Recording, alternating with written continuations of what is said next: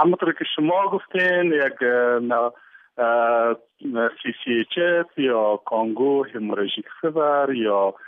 مرض تبدار خونی یک از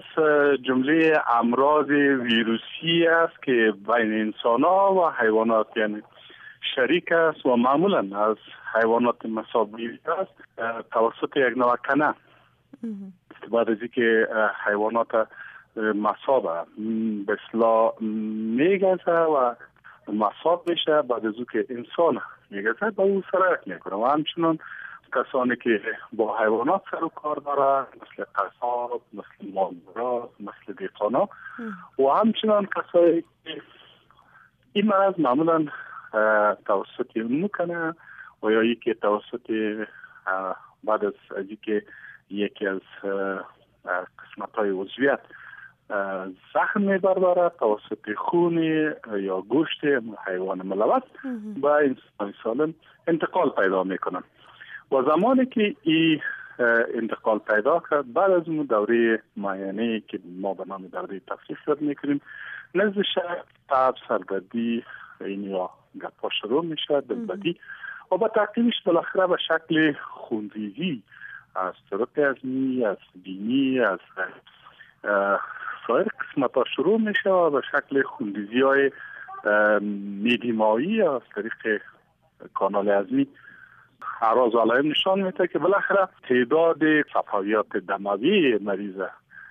کمتر می‌سازه و بالاخره باعث مرگ شخص مبتلا بشه. دکتر صاحب بله. بله بسیار ببخشید. دکتر صاحب افراد مبتلا به بیماری باید چی نکات مد نظر بگیرن؟ و حالا که اید از در دری جریان کسایی که حیوانات ذبح می‌کنن کدام نکات باید مراعات کنن؟ تشکر. بسیار گپ خوب را شما اشاره کردین. زمانی که در ایامی خصوصا در روزهای عید قربان مردم شما تمام مسلمان ها حیوانات ذبح می‌کنه و بله. قربانی می‌کنه کوشش کنه اولا مو حیواناتی را که به اصلاح سر و کار داره که وقتی از ذبح می‌کنه به اصلاح کوشا باشه که همون کنه و یا یا را نگزه و ضمن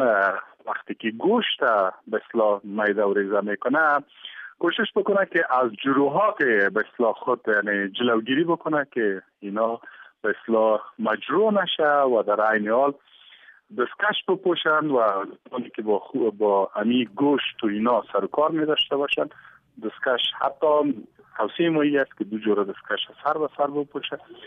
و از مجروح شدن اعضای خود توسط کار توسط استخوانای نوک که بسیار بعد از توتا کردن گوش اونا تیز میشن و دلگیری بکنن بله. برای هموطنهای خود با جرات می‌کنم بگویم که این دو از طریق گوشت پخته شده